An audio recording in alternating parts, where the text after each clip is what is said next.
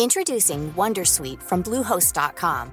Website creation is hard, but now with Bluehost, you can answer a few simple questions about your business and get a unique WordPress website or store right away. From there, you can customize your design, colors, and content. And Bluehost automatically helps you get found in search engines like Google and Bing. From step-by-step guidance to suggested plugins, Bluehost makes WordPress wonderful for everyone. Go to bluehost.com/wondersuite. Ja, hei, hei, velkommen. Da er vi på plass. Live-kontor, eller hva man kan kalle det. Du, vi har med oss olje- og energiminister Tina Bru fra Høyre. Velkommen. Takk, god dag. God dag, god dag. Du, jeg, ser, jeg skulle til å spørre deg om du var på hjemmekontor, men det er du ikke. Du er på kontoret. Ja, jeg er eh, i departementet. Det er ikke så veldig mange andre her, men vi er noen som, eh, som er på kontoret og praktiserer veldig strenge regler på hvor nære vi kan være hverandre, for å si det sånn. Ja, ja. Du, hvordan er det å, å være olje- og energiminister disse tidene her, med oljeprisen og kriser og alt mulig? Fortell. Nei, jeg skal vel eh, være såpass ærlig å si at uh, når jeg startet på denne jobben for ikke så veldig lenge siden, så var det jo, uh, som alle skjønner, en helt annen situasjon enn det vi er i nå. Uh, og det hadde jo vært mye hyggeligere å kunne fortsatt sånn som det var, når det på en måte, jeg kunne reise rundt på konferanser og alle snakket om at nå var optimismen tilbake, og, og nå begynte ting å virkelig ta seg opp igjen etter det forrige oljeprisfallet som vi hadde i 2014. Mm. og nå er jo på en måte alt snudd helt opp ned, helt på hodet. Eh, og særlig for oljebransjen så er det jo en litt, litt, ekstra krevende situasjon, fordi at den treffes av to ting samtidig. Altså Den treffes både av pandemien med korona og alle de effektene smitteverntiltakene osv. får. Eh, pluss at det jo pågår en, en ganske heftig oljepriskrig som, eh, som, får drastiske konsekvenser for oljeprisen. Mm. Jeg tenker, hvordan, bare Fortell litt om hvordan har den første hvordan har statsrådsperioden vært for deg? Det har jo, vært bang nærmest å bli kastet ut dette her, er det ikke det? Jo, det, det var jo det. Det, var liksom, det er som å hoppe på en karusell i fart. Det var jo masse saker som lå og ventet i departementet første dagen allerede jeg kom på jobb. Og det, liksom, det gikk som en virvelvind de første ukene. Uh, og jeg syns jo det var kjempespennende og reiste rundt og holdt innlegg og besøkte bedrifter. og det, nei, det var skikkelig, skikkelig gøy. Og så plutselig, bare fra en dag til en annen, så snudde det jo helt rundt igjen. Og så var det jo en helt annen situasjon. Slutt på alle konferanser, slutt på alle møter. Uh, ble erstattet med masse møter her internt i departementet og masse møter i regjeringen for å håndtere den pågående koronakrisen. Mm. Uh, så det har vært en, en, veldig spesiell start på denne jobben. Ja, ja det skjønner jeg. Fortell litt, Hvordan er det å balansere liksom, de sterke interessekonfliktene samtidig som landet er i den krisesituasjonen? Altså Vindkraft mot natur, og olje mot klima og statsinntekter mm. mot elavgift. Fortell litt om det. Nei, det, altså den, den, debatten går jo I en normal situasjon så går den debatten jevnt og trutt. på en måte. Det er jeg ganske vant til etter alle de årene jeg satt i energi- og miljøkomiteen nå, at man diskuterer mm. alle disse problemstillingene. Men den debatten har jo forsvunnet litt, da, for å si det sånn, fra, fra dagsordenen. Det er jo ikke så mange som er ivrige på å diskutere den akkurat nå. Men eh, det er jo fortsatt noen. altså Den uka her senest var jeg jo ute og, og diskuterte med MDG da igjen, som mente at eh, nå måtte vi på en måte benytte den anledningen til å egentlig bare forsere hele avviklingen av olje- og gassindustrien og bruke denne krisen til noe godt. Uh, og det syns jeg er en veldig rar og merkelig timing å trekke opp den debatten på. fordi at nå står vi tross alt i en situasjon hvor altså tusenvis får varsel om permittering. Eh, mange er redde for om jobben i det hele tatt kommer til å være der når vi er ferdig med denne krisen.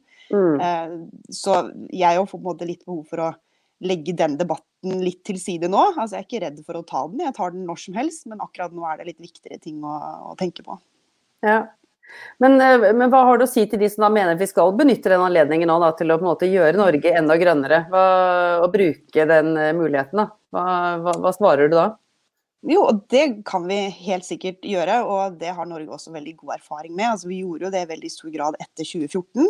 Når vi hadde oljeprisfallet, så brukte vi jo både penger og kompetanse og ressurser i næringslivet på å utvikle nye teknologier, finne nye markeder, omstille seg. Eh, og det var vellykket, det. Altså, nå, nå, er det jo altså, Før eh, viruskrisen, da, så var det jo faktisk sånn at det var 90 000 færre som jobbet i olje- og gassindustrien, men vi hadde jo rekordlav ledighet allikevel.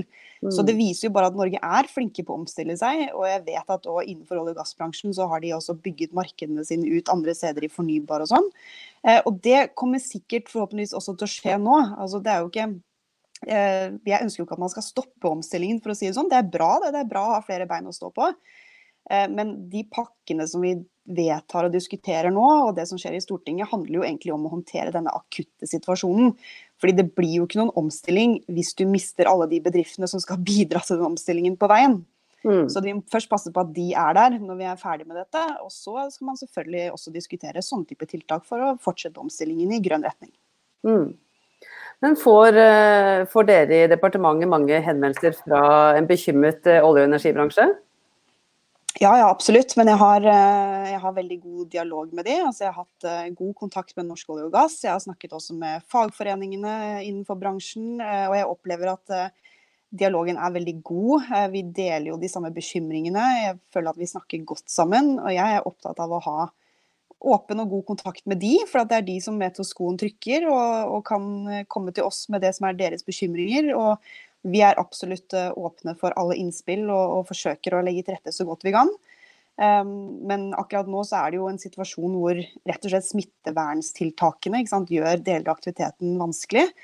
Uh, og det er det på en måte ikke så mye man kan gjøre med sånn umiddelbart. Altså Målet nå er jo at man ikke skal være så mange på jobb på en gang. Vi kan ikke, altså Det er derfor også oljeselskapene har tatt ned på all aktivitet som ikke er uh, driftskritisk. Um, så vi må egentlig bare håpe at vi får god kontroll på smittesituasjonen etter hvert, sånn at vi kan gjenoppta eh, de vanlige aktivitetene. Hvor, hvor, store og omfattende grep syns du eh, at regjeringen bør ta for å sikre de arbeidsplassene i oljebransjen, oljeproduksjonen? Nei, altså det, Dette er jo igjen, som jeg sa i stad, at det er en todelt utfordring. Det ene er det som skjer nå på smittevernsiden, som gjør at man tar ned aktivitet. Og det andre er jo oljeprisen. Og det er jo litt tidlig å spå nå hvordan oljeprisen kommer til å utvikle seg. Man vet jo ikke. Um, sånn den ligger nå, så er det fortsatt lønnsom drift på feltene på norsk sokkel. Man tåler en lavere oljepris enn det man har hatt eh, det siste året. Men på sikt, selvfølgelig, hvis den blir vedvarende lav eller lavere, så vil det utgjøre en, en utfordring. Uh, så jeg mener absolutt at uh, hvis det blir behov for å diskutere tiltak for å holde aktiviteten oppe, så må vi gjøre det. Regjeringen har jo sagt at vi er villige til å gjøre det som trengs for å passe på at folk fortsatt har en jobb å komme tilbake til når dette er over. Eh, så den diskusjonen må vi egentlig bare ha fortløpende, og så må vi se hvordan, hvordan ting utvikler seg. Mm. Har du noe å si til de, eh, spesielt i oljebransjen, da, de menneskene og folkene der ute som er redde for og bekymra for eh, jobbene sine og arbeidsplassen sin? Ja, jeg kan ikke si så veldig mye annet enn at jeg skjønner det, jeg skjønner det godt. Og jeg er eh, på deres lag. Og jeg syns det er viktig å sende en stor takk til alle de som nå er på jobb for å holde hjulene i gang. De som er ute på sokkelen, de som nå kanskje skal være der lenger enn det som er vanlig, fordi at man har utvidet arbeidstid og turnuser og sånn for å holde ting i sving. Eh, de fortjener en stor takk for det. Eh, mange er sikkert bekymra og kanskje helst ville vært hjemme. Kanskje er de familie som sitter hjemme og har hjemmekontor og sjonglerer det med barn og liksom alt mulig. Eh, så jeg forstår bekymringen, og jeg kan forsikre om at eh, vi skal gjøre vårt eh, for å passe på at jobbene fortsatt er der når vi er ferdig og kommer ut på andre siden. Mm. Du, du, er jo også minister for vind og vann og gass og sånt. Men har det blitt litt mye olje, eller, siden du startet? eh, ja, det vet jeg ikke. Jeg liksom både òg. Jeg føler at det er, det er god driv i, i, vindkraftdebatten og energidebatten også, for å si det sånn. Mm. Og vi, vi, fattet jo noen beslutninger i går, faktisk, i, i departementet her på, på vindkraft, annet, og det er jo òg et eksempel på at selv om landet står i en veldig ekstraordinær situasjon akkurat nå, så må man fortsatt fatte noen beslutninger, og, og samfunnet må gå videre.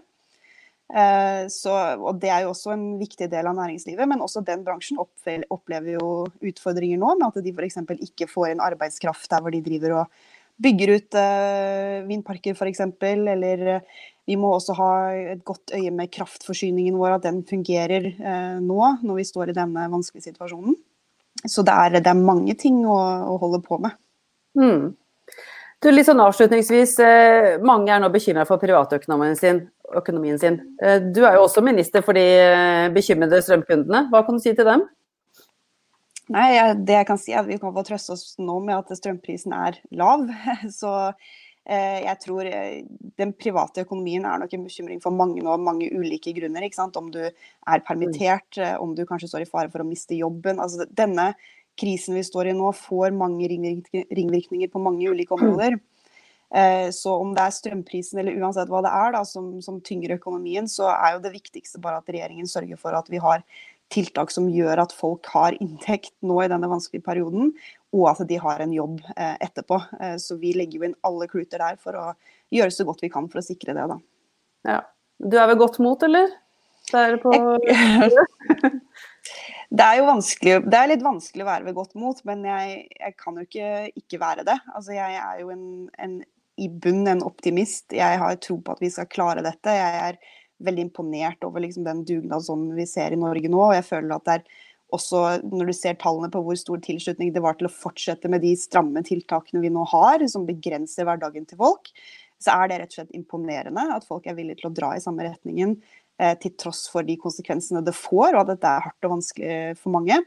Eh, og hvis folk klarer det, så skal jeg også klare å gå på jobb med, med godt mot og gjøre det jeg kan for å bidra til at eh, at ting kommer tilbake til normalen, og at uh, folk da er i sving og i jobb igjen. Ja, veldig bra. Men veldig hyggelig at du var med på denne livesendingen. Uh, takk for at du stilte opp, Tina. Og, jo, bare koselig. Ja, takk til deg som så på, og husk alle sammen, vask hendene og hold avstand. Takk. Enig. Ha det.